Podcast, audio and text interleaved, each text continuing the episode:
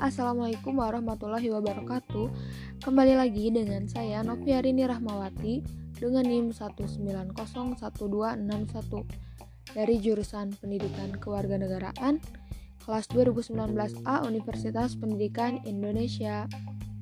Oke teman-teman Untuk podcast kali ini Saya ingin memberikan resume serta tanggapan terhadap apa yang disajikan oleh kelompok 3 dari kelas PKN 2019A.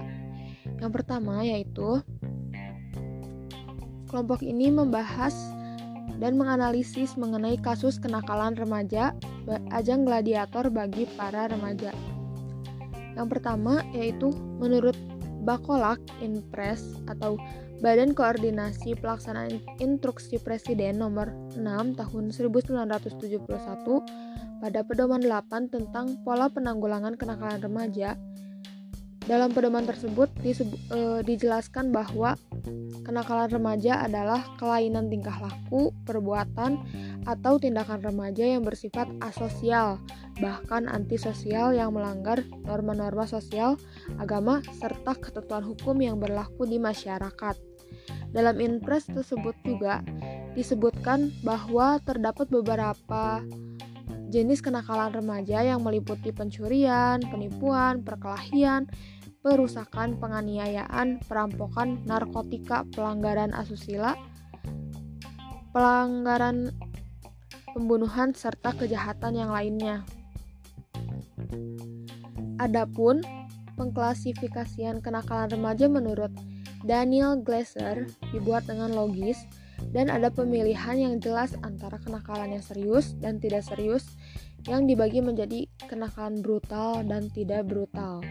Kenakalan brutal terbagi menjadi terhadap manusia dan terhadap benda mati.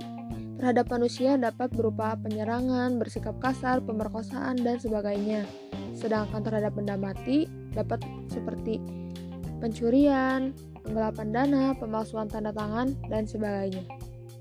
Faktor penyebab kenakalan remaja bisa dari faktor keluarga, faktor pergaulan, faktor media massa, faktor pendidikan, serta perkembangan anak. Adapun untuk penanganan terhadap kenakalan remaja dapat berupa pendidikan formal sebagai pengawasan utama bagi para siswa. Yang kedua yaitu community planning atau perencanaan masyarakat seperti uh, organisasi. Yang ketiga yaitu mendirikan biro konsultasi dan proyek kegiatan bersama. Dan yang terakhir, mendirikan pengadilan bagi anak-anak.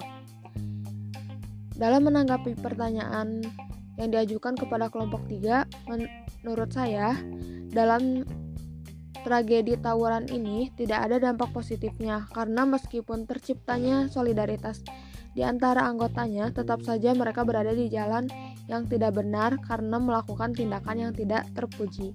Oke teman-teman, sekian yang dapat saya sampaikan. Mohon maaf bila ada kata-kata yang salah. Wabillahi taufiq wal hidayah. Wassalamualaikum warahmatullahi wabarakatuh.